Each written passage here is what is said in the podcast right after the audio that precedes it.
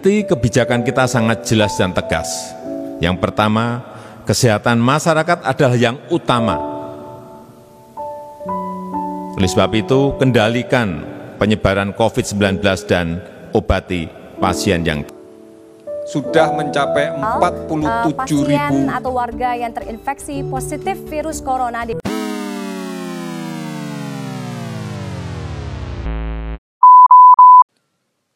Selamat datang di armu.podcast.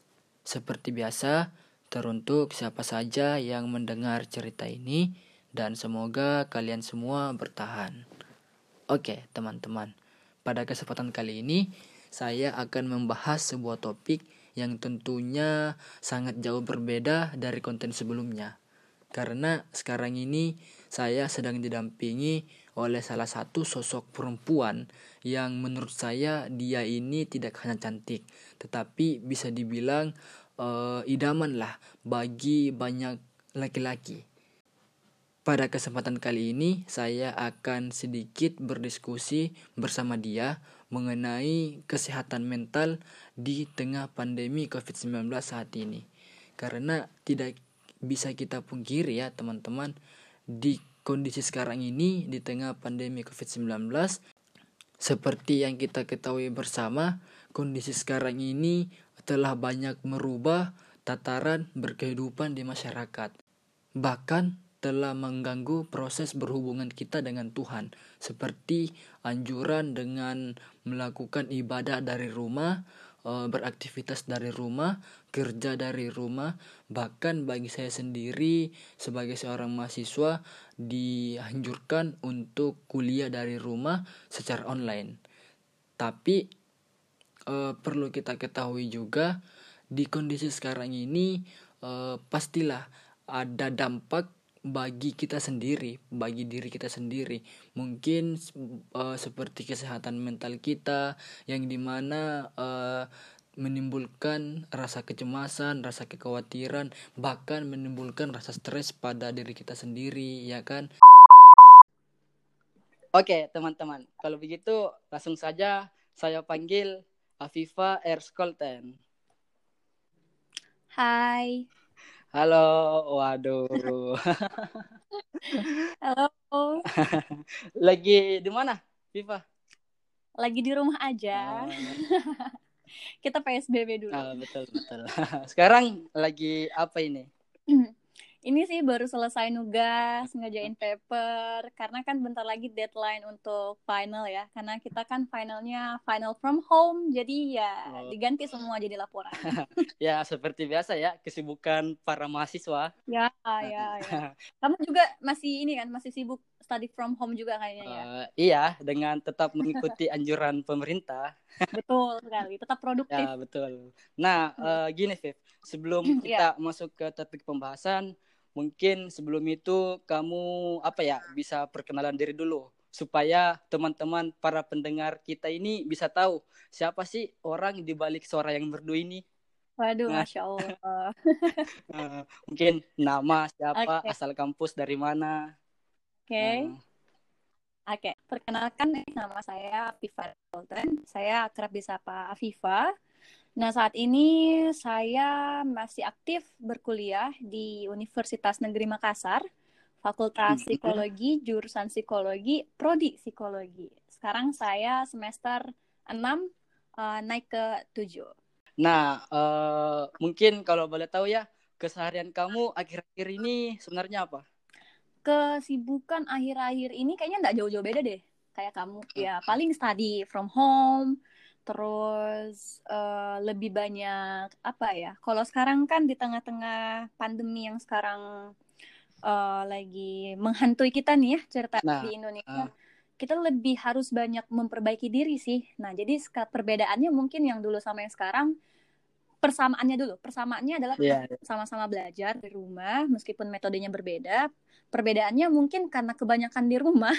Akhirnya kadang tuh kita mikir ini apa ya yang kurang dari diri saya. Oh, saya harus ngapain ya supaya di rumah ini saya tetap produktif nih, tetap nih skill-skill yang lain ini tetap bisa eh, dikembangkan. Nah, jadi lebih sering mikir ke dalam, lebih sering melakukan internalisasi ke diri sendiri. Kayak gitu. Nah, betul betul. Tetapi tidak bisa dipungkiri juga ya, Hmm. kalau kita kelamaan di rumah Hmm. mungkin rasa jenuh itu bakalan Oh, eh, timbul lah. Tentu, ya betul.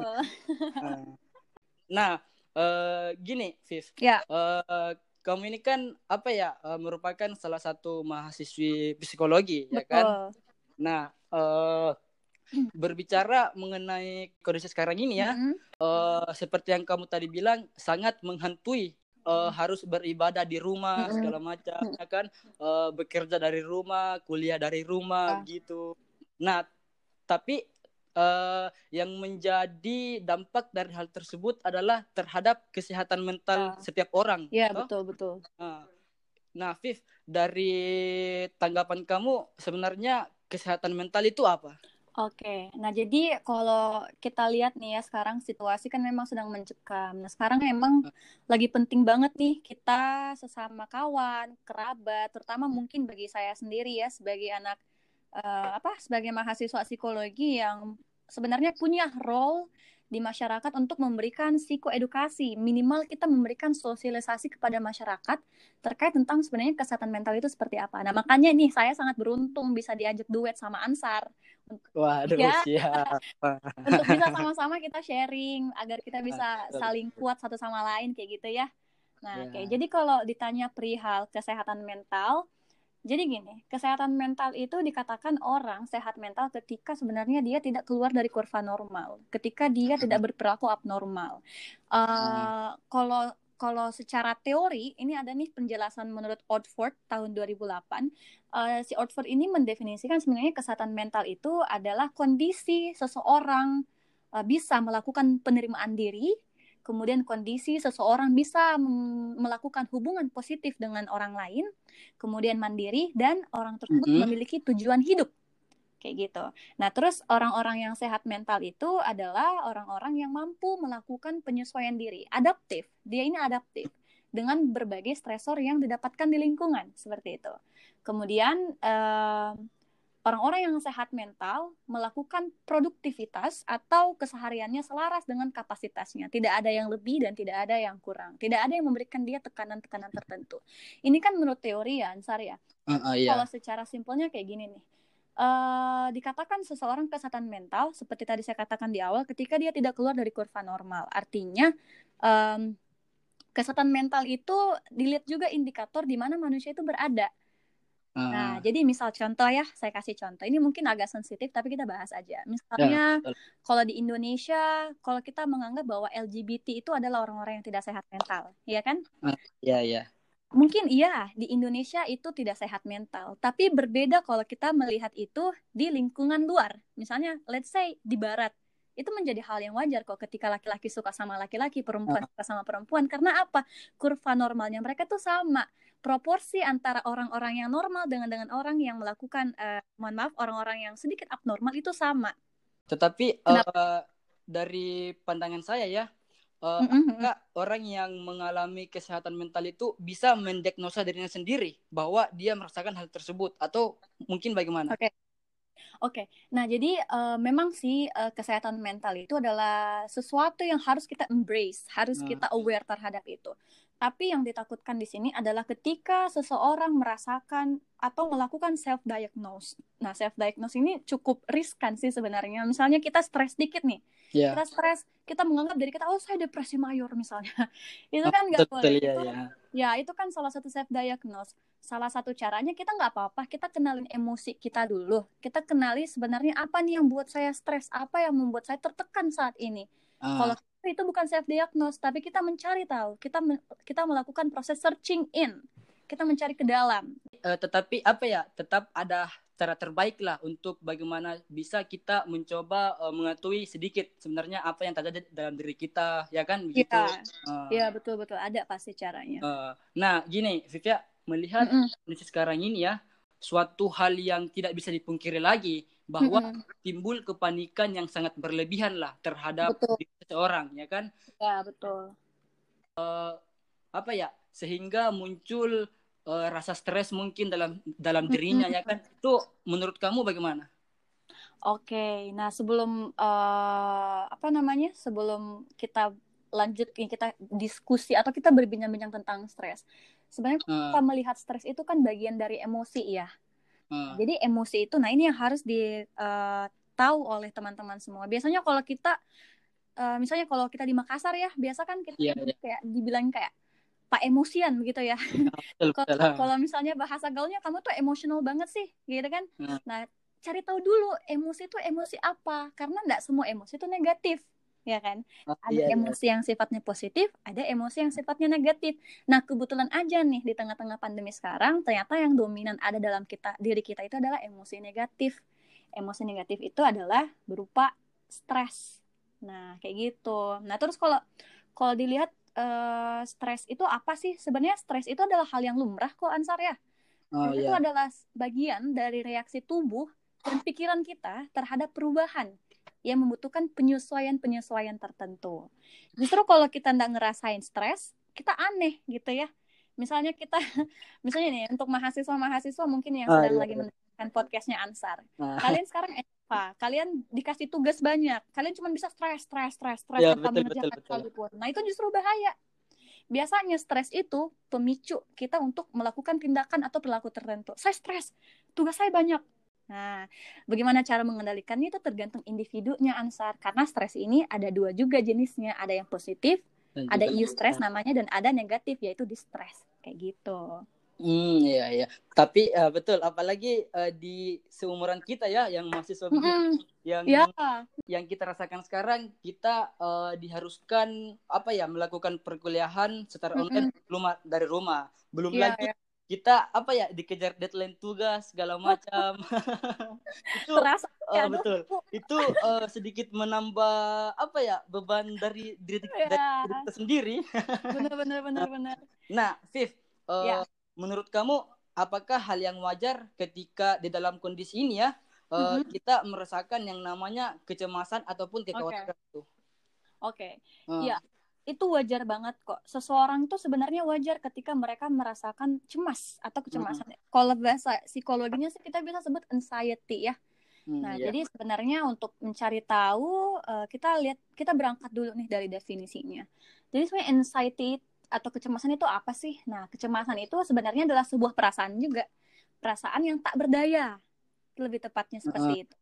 Eh, ketika kita merasakan cemas, otomatis kita memberikan respon kepada tubuh kita, pikiran kita kalau kita tuh merasa tidak aman.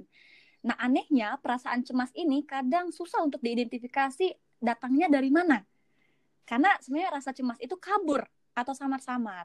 Ah. Ya, kalau kalau ditanya sebenarnya kita wajar nggak sih untuk merasakan kecemasan, apalagi di situasi sekarang ya, wajar banget. Itu wajar banget karena sebenarnya output dari kecemasan ini adalah kewaspadaan. Ya, kalau kita nggak punya kecemasan, justru kita nggak akan waspada, kita nggak akan aware, kita akan menganggap bahwa Allah corona ini tuh udah takdir Tuhan, kita mau kena corona, mau nggak kena corona tetap mati aja nanti kayak gitu kan, justru kita nggak jadi waspada, kita nggak PSBB, kita nggak physical distance, kayak gitu kan, Nah, betul betul. Eh, padahal kan eh, ada ya yang namanya eh, mencegah sebelum mengobati, ya kan? Benar, ya benar-benar tindakan preventif itu harus ada.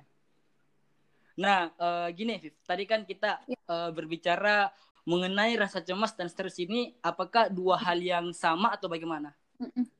Nah, kalau menurut aku sih sebenarnya dua hal ini adalah hal yang sama ya, hal Nah. yang ekuivalen ya, Iya, iya. equal. Dia tuh posisinya sama. Nggak, nggak dikatakan duluan kecemasan atau eh, stres Nah, atau kamu betul. lebih duluan stres atau Nah. cemas nih. Karena eh, kedua hal ini tuh saling timpal balik. Misalnya Nah. ketika kita merasakan eh, situasi kondisi saat ini sangat mencekam, mungkin respon pertama kita adalah cemas. Tapi dikatakan kalau aku stres ketika aku betul-betul merasakan eh, ada emosi-emosi negatif yang banyak menyalurkan uh, kekuatan atau tenaganya ke diriku sendiri. Misalnya kalau aku stres, aku susah makan, Mm -mm. terus aku susah tidur, tiba-tiba insomnia gitu kan. Mm -mm. Nah, itu itu itu justru uh, salah satu indikator kalau kita stres. Misalnya stres, kalau kecemasan itu kan sebenarnya bisa sih dilihat dari kasat mata. Misalnya orang yang cemas itu terkadang kakinya gemetar, Oh iya iya iya. keringatan kayak gitu kan. Nah, tapi kalau stres itu bisa sampai ke mempengaruhi hormon tubuh Ansar. Jadi misalnya kalau kita stres, misalnya untuk cewek-cewek ya, Uh-uh. terutama kalau kalau kita stres itu kadang kita Oh jerawatan, iya betul betul. atau ya kan, atau kalau kita stres kadang berat badan kita turun kayak gitu kan. Nah itu sih perbedaan yang paling mendasar. Tapi kalau ditanyakan eh, apa namanya, yang mana yang duluan kecemasan atau stres, yang mana yang mempengaruhi duluan, sebenarnya sih sama kayak gitu. Tergantung. Ada juga sih orang yang merasakan emosi stresnya dulu, baru dia Hmm. cemas. Apalagi eh, jika kita melihat ke media-media ya, Viva ya, karena eh, Mhm. kebanyakan media sekarang ini apa ya eh, hanya mengeluarkan opini-opini mengenai COVID terus-menerus, ya kan? Oh iya Jarak- betul betul. Jarak antara berita satu dengan yang satunya tidak jauh mengenai COVID sendiri, ya kan? Iya, sebenarnya iya, iya. Kalau dari pandangan saya ya, eh, persepsi-persepsi begitu yang dapat menimbulkan paranoid-paranoid kepada Hmm, apa kepada kita sendiri yang membacanya ya kan setuju, Ah. setuju, setuju.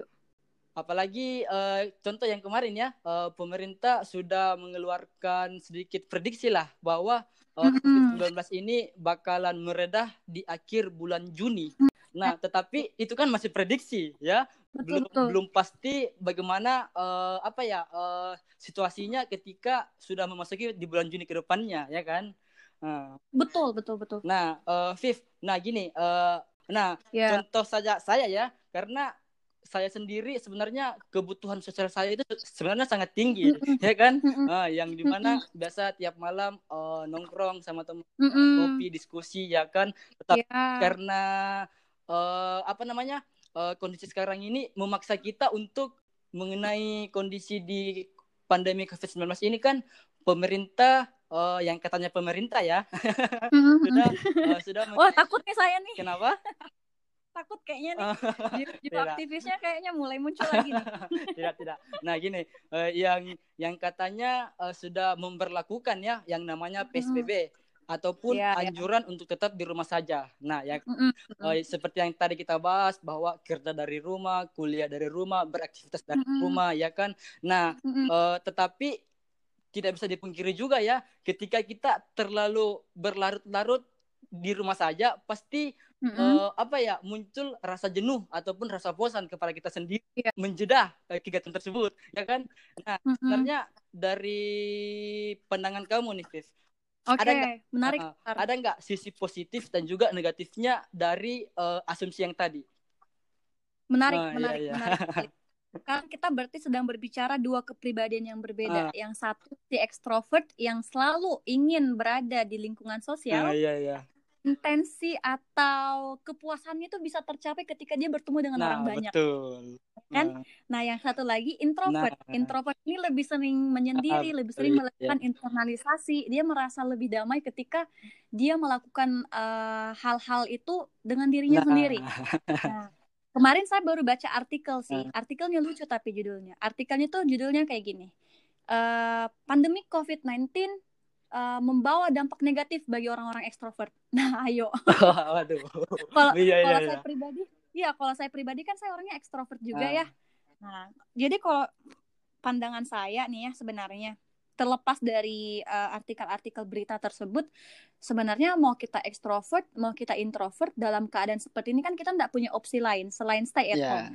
ya kan meskipun kita dikatakan ekstrovert level maksimal kayak gitu kan ya kita nggak bisa ngapa-ngapain juga nah jadi jadi mau nggak mau ya kita tetap mengikuti anjuran pemerintah karena itu juga jauh lebih eh, mementingkan kebaikan kita untuk ke depannya kepentingan dan kebaikan kita bersama satu Indonesia kemudian untuk orang-orang introvert, iya bisa jadi mereka bisa lebih kalem Nah. juga kan. Mereka bisa mendapatkan dunianya di rumahnya saja seperti itu. Tapi tidak menutup kemungkinan kok orang-orang introvert juga akan merasakan stres sama seperti kita. Karena yang pertama udah da- udah pada dasarnya orang-orang introvert memang cukup jarang bersosialisasi, bukan cukup jarang bersosialisasi sih, cukup jarang untuk memulai percakapan duluan. Uh-uh. Nah, uh, pada akhirnya di situasi kondisi seperti ini, mereka harus mengubah beberapa kebiasaan-kebiasaan tertentu. Misalnya ketika mereka berada di rumah, ya kalau misalnya si introvert ini tetap menjadi dirinya yang introvert, tidak ada dong interaksi dalam rumah kepada ayahnya mungkin atau kepada ibunya. Nah, itu bisa memicu gejala stres juga. Bisa jadi ada kesalahpahaman dong nantinya, ya kan? Nah. Kok anakku selama karantina di rumah kok diam terus ngambuk nggak? Kayak gitu kan bisa jadi, kan? Nah, itu tantangan bagi si introvert. Tapi kita lihat nih sekarang ke ekstrovert Nah, si ekstrovert ini dia butuh wadah yang lebih besar untuk menyalurkan energinya yang sangat besar untuk berada Nah, di lingkungan betul, sosial. betul, betul. Caranya seperti apa? Nah, ini tips untuk para para ekstrovert. Mungkin pendengar podcastnya Ansar juga ada yang ekstrovert, kita bisa ikuti sama-sama. Kebetulan saya sedang menjalankannya Nah, juga iya, ya. iya. Nah, si ekstrovert ini meskipun mengadakan atau meskipun melakukan physical distancing, tapi si ekstrovert tetap harus melakukan emotional closure. Emotional closure itu kita tetap harus punya bonding kepada siapa pun yang ada di sekitar Ah. kita. Mau ada keluarga kita atau mungkin kalau kita punya pasangan, nah itu penting banget tuh kita apa memberikan kabar satu sama Oh, iya, lain iya. meskipun hanya via chat kayak gitu ya atau kalau kita anak sosmed banget Nah, nih iya, nah iya. kayak Betul. kemarin kan kayak kemarin kan aku aku kan sosmed banget ya iya. sebenarnya tapi enggak tapi bukan yang iya. negatif nah aku tahu nih aku ekstrovert aku bikinlah question and answer di Instagram story aku. Nah itu menurut aku bisa meredam sedikit rasa rindu untuk berada di dunia luar. Saya sepakat sih sama yang kamu bilang ya, karena saat ini jika kita berbicara mengenai jarak ya, Iya. apalagi mungkin eh, teman-teman yang lagi berjauhan begitu dengan pasangannya Iya, ya kan, Mm-mm. Nah, LDR Ah, gitu betul, ya. Karena eh, sebenarnya oh kamu LDR tidak kebetulan saya ini sedang independen. oh gitu Apa ya? Eh, karena eh, sekarang ini jarak ya mengajarkan kita bahwa dari kejauhan pun itu kita bisa saling menjaga ya kan betul Eh, Mm-mm. dengan tidak berjumpa untuk sementara. ya Nah, ya tetapi ya ya, ya. eh, melihat realita di lapangan ya, Viva ya, masih banyak yang katanya warga plus 62 nih ya, yang masih mm. apa ya, mungkin masih keras kepala akan anjuran pemerintah, ya kan? Eh, Iya, iya. Melihat di lapangan masih banyak eh, orang-orang yang berkeliaran yang tanpa mematuhi anjuran yang telah di- dikeluarkan oleh pemerintah sendiri. oke Eh, Itu Iya, iya, menurut iya. kamu itu bagaimana? Iya, kalau menurut aku pribadi ya sebenarnya itu kan em, kalau kita mau lihat dari sudut pandang mana nih psikologi atau politiknya. Tapi kalau aku sendiri aku mau lebih lebih pengen ke sudut pandang Nah, psikologinya ya, aja ya, deh. silakan gimana? Nah, kalau dari sudut pandang psikologinya kita lihat dulu karakteristik masyarakat kita apa karakteristik masyarakat kita tuh seperti apa. Kalau kita mau bandingkan warga plus 62 misalnya dengan warga Jepang, nah itu jauh emang. Ah, betul betul. Apalagi cara mengenai jumlah penduduk ya. Iya, jumlah penduduk kayak gitu ya. Nah, terus kalau kalau kemarin sih aku baca berita ya, eh beritanya itu beritanya itu isinya ternyata Korea itu udah bebas loh dari corona. Itu mereka menghabiskan waktu sebanyak 70 hari untuk betul-betul zero to corona. ah, ah. Nah, kita lihat karakteristiknya orang Indonesia itu seperti apa. Kalau kita orang Indonesia yang aku lihat, kita tuh budaya kolektifnya tuh tinggi banget, Ansa ah, ah. budaya kolektif kita tinggi. Jadi kalau misalnya satu orang mengatakan ya, yang lainnya bisa ikut-ikut ya. Ah, Paham? Iya betul Nah, betul. misalnya, misalnya di dalam, oke kita ambil dalam lingkup terkecil aja nih dulu. Misalnya dalam sebuah keluarga ya, dalam sebuah keluarga, kepala rumah tangga bilang, ah corona itu ndak apa-apa itu Nah, iya iya itu." betul betul itu. Saya Orang orang itu. orang, iya kan, orang kita mau kena corona mau ndak corona nanti tetap meninggal kok Ah. itu kalau udah ada ya ajal aja. Nah biasanya kalau orang ini mempunyai referent power atau power yang lebih Mm-mm. Power yang lebih eh, di lingkungannya biasanya orang-orang yang ada di bawahnya itu cenderung mengikuti Ansar. Nah itu tuh budaya Indonesia kayak gitu. Makanya makanya kadang saya mempertanyakan juga hal-hal seperti itu. Jadi lebih kembali ke diri kita sendiri. Misalnya kalau ada keluarga kita atau anggota keluarga kita yang eh, bisa dibilang sedikit bandel kali ya, yang yang agak Nah, betul apatis. betul iya iya. Let's say Betul. apatis Nah, apatis dengan anjuran pemerintah yang secara enggak secara gamblang mengatakan bahwa Allah pemerintah cuma bisa Ah. ngatur, enggak bisa kita Iya, kayak iya. gitu kan. Nah, kita kita cukup elus dada aja, kayak gitu kan. Kita cukup elus dada aja, terus kita kasihkanlah mereka uh, sedikit sosialisasi. Sebenarnya mau anjuran pemerintah, mau anjuran siapa pun, mau anjuran presiden Amerika pun, ya sekarang Ya. kayak gini situasinya. Kamu keluar, kamu bisa terinfeksi. Udah itu aja, selesai. Nah, jadi lebih betul-betul kembali ke kesadaran diri kita sendiri, lebih kepada bagaimana kita bisa engage, kita bisa menarik orang-orang yang seperti itu untuk sama-sama kita aware loh. Kalau corona ini bukan hanya satu orang yang kena.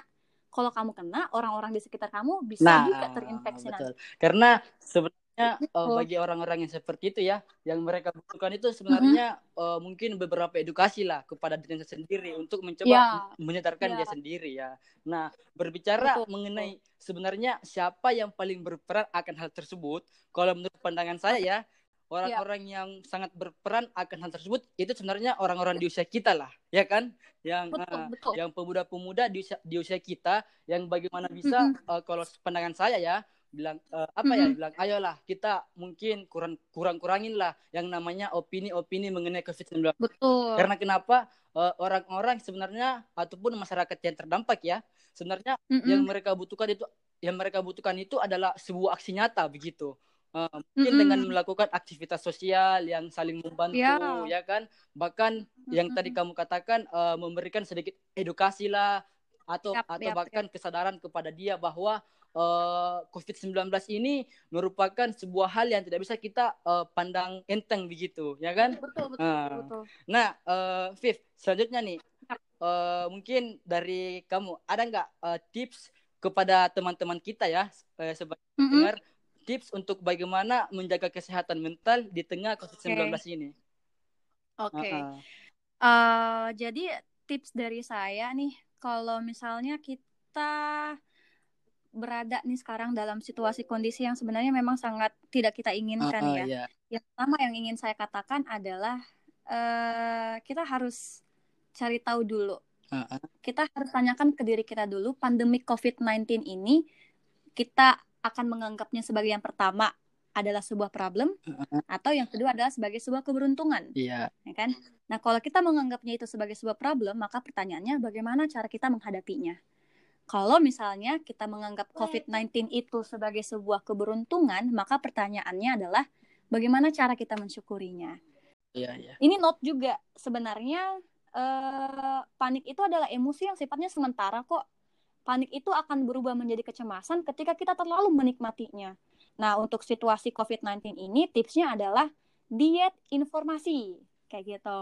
Jadi jadi bisalah bisa kali ya dibatasin satu hari minimal apa maksimal dua berita sampai tiga berita yang dibaca kayak gitu. Karena semakin banyak kita mengang- apa mengkonsumsi berita-berita yang sebenarnya juga keabsahannya belum dibuktikan itu semakin betul, membuat kita betul. panik. Iya, iya, betul, betul. Kayak Ah. gitu kan. Nah, terus kalau misalnya kita beranggapan bahwa oh, kita stay positif. Kita stay positif nih. COVID-19 ini sebenarnya membawa keberuntungan loh bagi kita. Lalu bagaimana cara kita mensyukurinya? Yang pertama, kita manfaatkan segala hal yang bisa dimanfaatkan. Seperti contoh, waktu bersama keluarga. Nah, iya, Ya. iya. Kemudian yang kedua, menikmati segala hal yang terjadi. Misalnya eh, kita mahasiswa, kita study from home, kita tetap produktif by doing our hobby. Misalnya kalau kamu hobinya eh, apa namanya sharing ke orang lain, ayo kita sharing online. Kayak Ya, ini nih betul, sekarang betul, ini betul, sangat ya. luar biasa, ah, ya kan? Kalau kamu hobinya olahraga, nah ini kesempatan penting buat kamu untuk diet gitu kan. Oh iya, iya. iya. Aja every every single time you're doing it uh, at home. Kebetulan, nah ini kalau ada orang yang beranggapan bahwa COVID-19 ini sebagai sebuah problem, Ah, ah.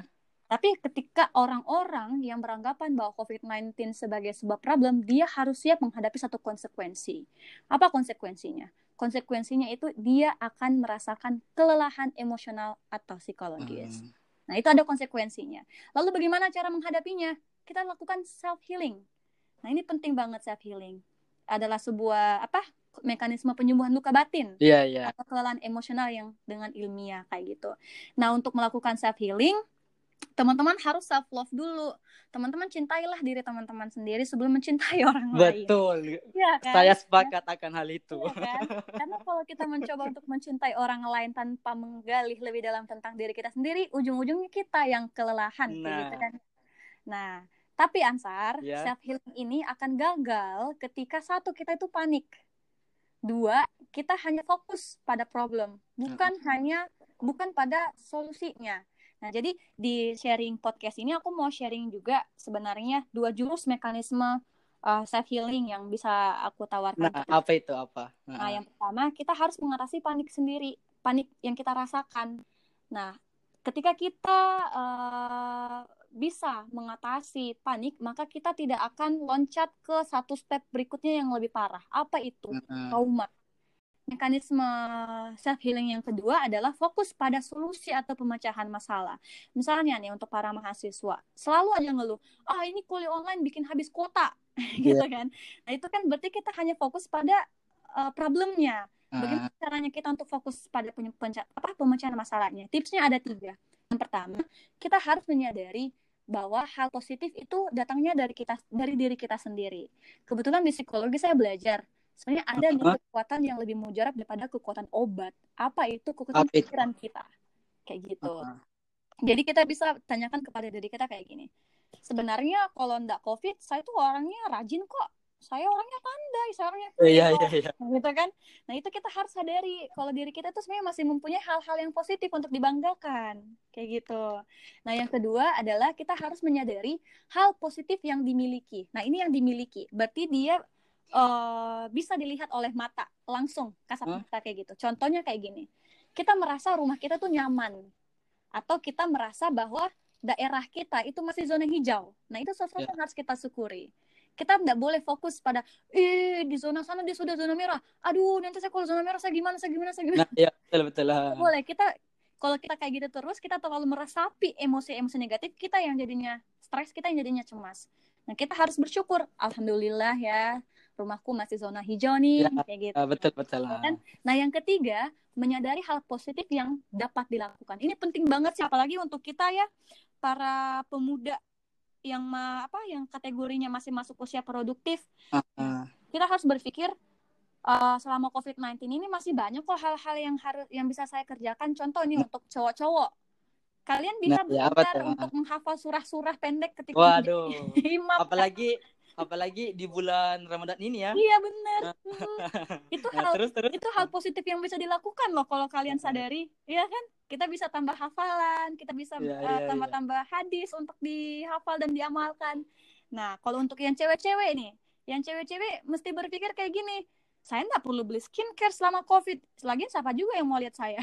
Nah, artinya uh, sedikit apa ya, sedikit keuntungan juga sih buat para perempuan ya kan, ya. yang sedikit lebih berhemat untuk uh, alat-alat make uh, make upnya. ya kayak gitu.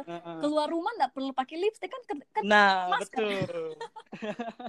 Ya kayak gitu aja sih Ansar. Sisanya sih uh, sisanya sih lebih kepada apa ya jangan terlalu cepat panik. Kita harus tetap uh, apa self talk. Kita harus kita harus melakukan kontrol diri yang tinggi. Nah. untuk melampiaskan stres jadi itu tadi notnya stres itu wajar kok. Tapi untuk cara melampiaskan stres itu kalian butuh katarsis. Katarsis itu silakan uapkan emosi-emosi yang ada dalam pikiran kalian dalam kategori yang wajar. Misalnya kalian bisa melakukan olahraga. Karena kan kalau kita olahraga kita apa namanya kita push up kita uh -uh. itu kita bisa kayak huh lega banget kan kalau keringat udah bercucuran. Nah itu enak banget. Itu emosi nah. emosi negatif bisa keluar kayak gitu. Uh, iya ya betul. Saya sepaket ya sama apa yang mm -hmm. kamu bilang kan mm-hmm. karena uh, untuk saya pribadi ya mm-hmm. sebenarnya uh, di kondisi sekarang ini di saya apa ya sudah menyadari beberapa hal lah terutama dalam uh, kebersihan ya kan iya, kebersihan ya, diri ya, ya kan benar. mungkin uh, untuk saya sendiri ya sebelum uh, COVID-19 ini mm-hmm. menimpa kita semua mm-hmm. mungkin uh, bahkan saya sendiri itu sangat uh, tidak peduli lah sedikit mengenai kebersihan mm-hmm. ya kan mm-hmm. tapi uh, kondisi sekarang ini targetkan kita akan hal tersebut. Bagaimana untuk menjaga kebersihan, ke mana pun itu menggunakan masker lah. Ya, betul, betul. Kalau misalnya kita tidak uh, punya kegiatan yang terlalu uh-huh. penting untuk dilakukan yeah, di rumah, yeah. sebaiknya ditahan dulu. Yeah. Ya meskipun sebenarnya sakit sih, karena kan ini kan udah mau Lebaran ya, terutama mungkin yeah, pendengar podcastnya Ansar yang beragama Muslim, kita udah mau Lebaran, ternyata kita masih belum bisa melaksanakan uh, apa? Kegiatan-kegiatan yang sebagaimana dulunya kita lakukan silaturahmi, uh -huh. berjamaah itu kan rasanya sedih banget. Yang uh -huh. harus kita pahami bersama adalah meskipun uh, kamu merasakan itu adalah sebagai sebuah kesedihan, tapi kita harus pahami, kalian kamu nggak sendiri kok. Bukan cuma kamu yang merasakan itu Betul, sebagai iya, itu iya, sedih, iya. tapi kita semua. Makanya. Jadi kita tuh sama, nggak ada yang dibilang saya merantau, saya rindu keluarga saya, saya sedih sekali. Iya, kamu nggak sendiri. Masih banyak juga orang yang yang lebih memilih untuk mementingkan dirinya dan keselamatan orang lain. Jadi lebih memilih untuk ya ditunda dulu mudiknya seperti itu. Nah kemudian kalau misalnya untuk dekat apa untuk eh, saat-saat ini, kalau misalnya Uh-uh. kita mau beli sembako atau kita mau iya. jajan apa kayak gitu ya yang penting-penting ya misalnya eh, pakailah masker. Nggak ada kok salahnya kalau sekarang kan aku lihat sendiri masih banyak nih warga plus 62 yang bandel yang nggak mau Ah, pakai. iya, betul ya. Ya, ayo dong pakai masker. Apa sih susahnya? Bukan cuman bukan cuman orang lain yang bakalan kamu tulari dirimu sendiri bakalan kamu lukai kalau kamu nggak pakai masker. Nah, Rajin-rajin cuci tangan sesuai dengan prosedur yang tepat, istirahat yang cukup. Itu penting banget Ansar, please. Jadi Betul, buat betul, jadi iya. buat para kaula-kaula muda yang sekarang soalnya banyak teman aku yang curhat kayak gini, saya tuh stres, Viv. Saya nggak bisa tidur cepat. Saya pengennya nge-searching terus searching searching searching. Ah. Itu nggak boleh. Justru kalau kalian tidurnya lama, itu akan berpengaruh terhadap hormon tubuh kita, imun tubuh kita. Nah, kalau imun tubuh kita lemah, ya mudahlah kita untuk kena penyakit. Kayak gitu. betul. Ya. Nah, eh, oke. Sebenarnya ini juga suatu hal eh, apa ya keberuntungan lah ya. Mm-mm. Eh, bagaimana bisa menerima wejangan-wejangan yang sangat luar biasa ini dari Ya teman saya ini, ya kan? Nah, tak terasa nih, Viv. eh, Oh, iya? sudah 30 menit lebih nih Wow. bincang-bincang kita mengenai kesehatan mental bagaimana, ya kan? Oke, nggak Nah, kerasa Viv, banget. eh, nah mungkin untuk teman-teman nih yang Mhm. mungkin mau mengenal Afifah lebih dalam nih, mungkin Oke. bisa sharing nama Instagramnya apa? Instagram aku agak apa ya namanya? Siapa tahu kan eh, teman-teman bingung siapa sih eh, orang di balik yang berbicara ini, Ah, ya kan? Eh, iya, iya, boleh lah, boleh. Jadi Heeh. kalau teman-teman mungkin yang mau sharing, eh, kita sama-sama belajar, teman-teman bisa kunjungi Instagram aku di Hey It's Viva. Kemudian aku juga punya Twitter. Twitter aku itu @afifa Iya. Colton. Terus kalau pengen lebih intens lagi, aku tuh paling dibanding cek Instagram dan Twitter, aku lebih sering cek email. Nah, jadi email aku tuh afifascolton at gmail, afifascolton99 at gmail.com. Nanti mungkin Ansar bisa dibikin apa ya? Untuk jadi Iya. covernya kali ya, nanti di situ kali ya dicantumkan ya, biar lebih jelas. Ya, Oke. ya sekalian dengan eh, fotonya Boleh, ya. boleh. Wah, luar biasa. Yap. Nah, gitu tuh teman-teman. Eh, tak terasa akhir pembicaraan kita dengan kawan saya ini dan semoga juga bermanfaat dan juga Amin. beredukasi kepada teman-teman semua, ya kan? Thank you, Nah. listener. Ya, sama-sama. Sukses selalu Ansar ya buat podcast. Ya.